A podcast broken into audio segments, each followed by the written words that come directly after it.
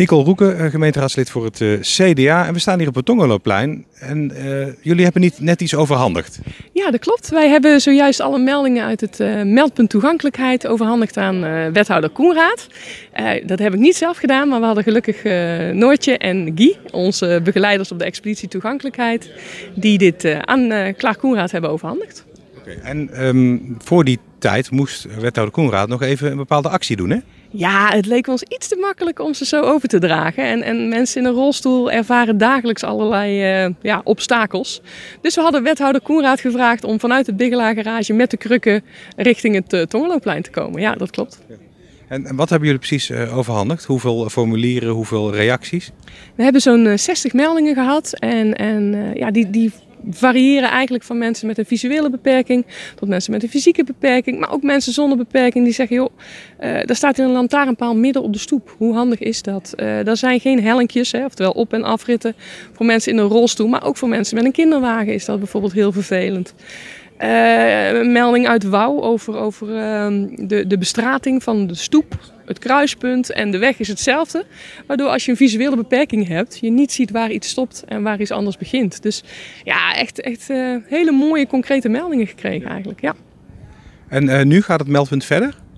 Nee, het meldpunt is officieel gestopt uh, voor de gemeente Roosendaal. Ik heb zojuist alle aanwezige raadsleden opgeroepen om collega's in buurgemeenten te vragen om het meldpunt over te nemen. Nou, als je dat doet, dan moet je zelf het goede voorbeeld geven. Dus ik zit vrijdag 12 november op het provinciehuis met een aantal mensen vanuit andere gemeenten. En dan ga ik vragen of zij ons, ons meldpunt over willen nemen en hetzelfde willen doen in hun gemeente. Ja. ja.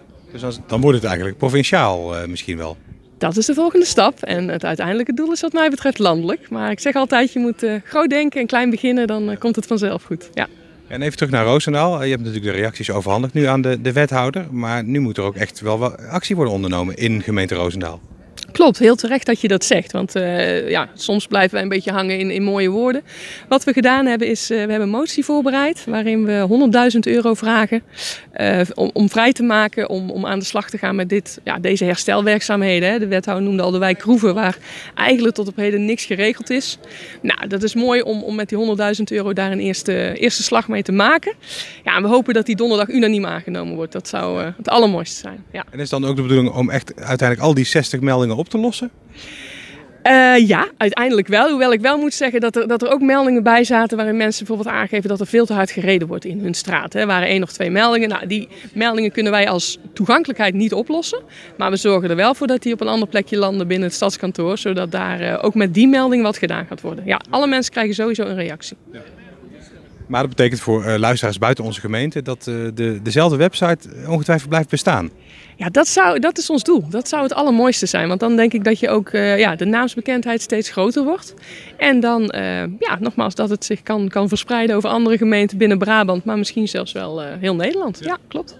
Ja, wethouder Klaar Koenraad, uh, zojuist een, ja, de reacties overhandigd gekregen op het Tongeloopplein. Maar u moest zelf nog een bepaalde actie uh, doen.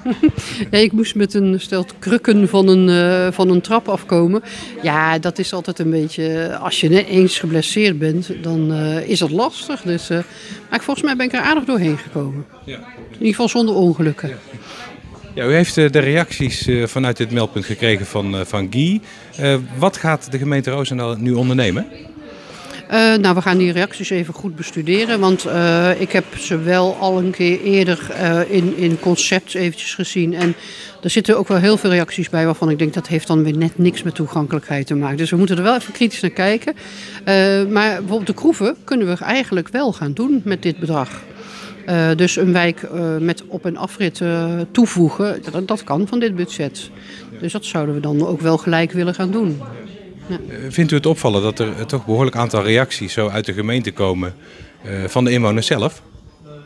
Nou, ik vind dat niet heel opvallend, maar wij werken natuurlijk heel nauw samen met het ROOGEP. Hè, dus wij krijgen altijd al heel veel signalen. Daar proberen we altijd al heel goed mee om te gaan. Kijk, en een meldpunt, dat geeft altijd reacties. Uh, maar er zitten ook reacties uh, op, uh, op de overheid in het algemeen. En dan begrijpt u ook wel wat ik bedoel. Er staan een paar hele goede ideeën op. Nou, en daar gaan we mee aan de gang. Want is er vanuit de gemeente altijd al een vast budget voor om dit soort zaken op te pakken?